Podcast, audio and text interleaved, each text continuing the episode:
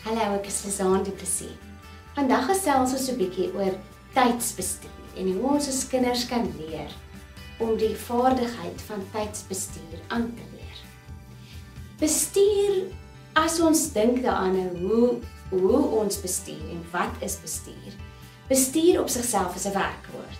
Ons weet dat jy as jy aan agter die stuur sit, dan besluit jy hoe vinnig jy wil ry. Jy besluit wanneer jy wil ry, watter pad jy wil ry.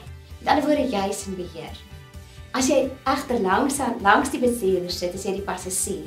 En maak nie saak hoe mooi mens praat of hoe mens dalk baie keer probeer aanpraat nie, in 'n regte backseat driver is nie. Jy's dan nie in beheer nie. En dit laat my baie dink aan wat met my gebeur wanneer dit kom by tydsbestuur. Ek vang myself baie keer in daai plek waar ek agterkom maar ek is net nou die passasier. Ek is nie besig om my tyd te bestuur nie. Tyd is besig om my te bestuur. Dis gewoonlik daai dag wat ek die sleutels in die kar toesluit, die parkeerkaartjie verloor, my kind by die skool vergeet. Ja, dit het ek ook al gedoen. Wat ek agterkom, o, oh, oh, hier is iets fout. Hier is ek glad nie meer in die stuur van sake nie.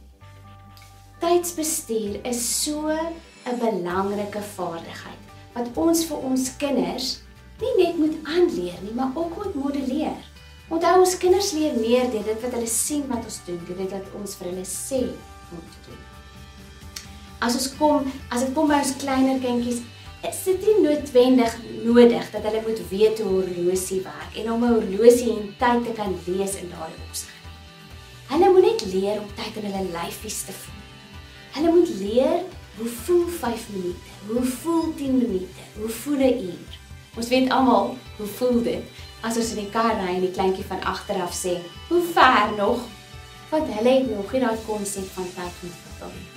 Maar begin om byvoorbeeld dit vir hulle visueel voor te stel. Deur 'n stophorlosie te vat, um, of 'n uurglas te vat en te sê, "Kom ons kyk hoe lank neem dit jou om aan te trek."